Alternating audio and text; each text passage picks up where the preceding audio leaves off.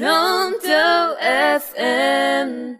برونتو أف إم صوتك سابق بخطوة.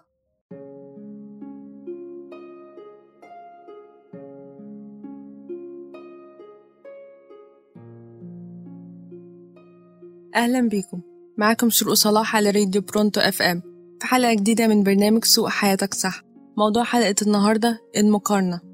المقارنة موجودة جوانا موجودة في طبيعتنا بس إحنا علينا نسيطر عليها. ونخليها بشكل إيجابي مش عادل لأن مفيش حاجة اسمها مقارنة عادلة. المقارنة العادلة ملهاش وجود لأن كل إنسان عنده نقاط قوة واللي يميزه عن اللي حواليه. مثال عندي تفاح وبرتقان الاتنين من الفواكه والاتنين ليهم فايدة. بس هما ليهم نفس الفايدة؟ لأ طبعا. هو ده بالظبط ليه مفيش مقارنة عادلة. المقارنة عندنا نوعين. أول نوع من المقارنة إن الإنسان يقارن نفسه بشخص متفوق وفي حال أفضل. المقارنة دي ممكن تبقى خطيرة لو صاحبها ما تحكمش فيها لأن ممكن تسبب له عدم رضا وإحباط. ولو صاحبها اتحكم فيها ممكن يحول طاقة عدم الرضا اللي عنده لطاقة تحفزه وتخليه يطور من نفسه. وهنا تكون المقارنة مفيدة فعلا. والنوع التاني من المقارنة هو إنك تقارن نفسك بشخص أقل منك مثلا على المستوى المهني أو الاجتماعي.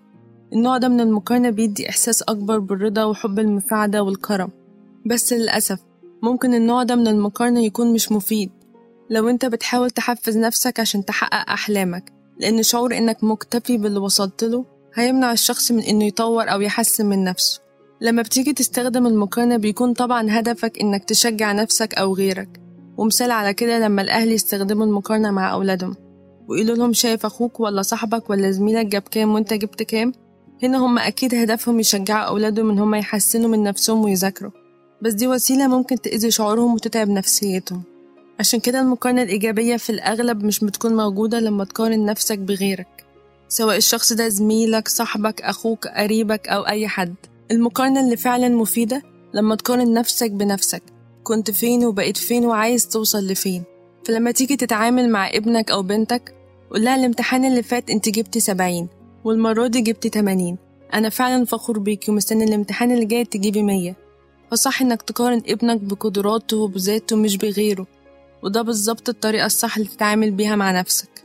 ولو أنت من النوع اللي بيسأل كتير تسأل عن أحوال اللي حواليك بياخد مرتب كام ولا دفع كام في الموضوع ده وبتتضايق لما تعرف إن فلان عربيته أحلى من عربيتك أو بيته أكبر من بيتك ومعاه فلوس أو غيره. أعرف إنك كده بقيت ضحية المقارنة اللي هتتعبك نفسيا وتبوظ حياتك. وهنا دي حاجة لازم الواحد يقف عندها لأن كده في قلة رضا باختيارات ربنا ليك بعد تعبك ومجهودك. ونصيحة ما تقارنش نفسك بحياة الناس الموجودة على ال social media. أنت مش بتشوف منهم غير اللي هم عايزينك تشوف. السعادة مش سفر و first class وشنطة وماركات أكيد ده جزء من حياة الإنسان. السعادة أكبر وأعمق من كده بكتير. فما تنخدعش بالمظاهر وتتعب نفسك على الفاضي. في نهاية حلقتنا افتكر دايما المقارنة عدوة السعادة والقناعة والرضا بالمقسوم. ما تقارنش نفسك بغيرك. قارن نفسك بس بنفسك لأن أنت ليك حياة وشخصية وظروف بتختلف عن غيرك. قارن اللي أنت أنجزته في حياتك بإمكانياتك وقدراتك وبطموحك وأدواتك. ما تقارنش نفسك بغيرك. أنت ما تعرفش اللي حصل مع غيرك. وإيه رحلة حياتهم اللي وصلتهم إن هما يستحوذوا على خيالك ووقتك وفكرك؟ ما تقارنش نفسك بغيرك. لأنك ببساطة مش شبههم ولا هما شبهك. كل واحد في اللي يميزه عن غيره. واحمد ربنا وخليك ممتن لكل حاجة حلوة في حياتك. ولو فكرت في الحاجات الحلوة في حياتك هتلاقيهم كتير قوي. فاحمد ربنا دايما. وسوق حياتك صح. وابعد نفسك عن أي مقارنة ممكن تأذيك. وبكده نكون هنا حلقتنا. كانت معاكم شروق صلاح على راديو برونتو اف ام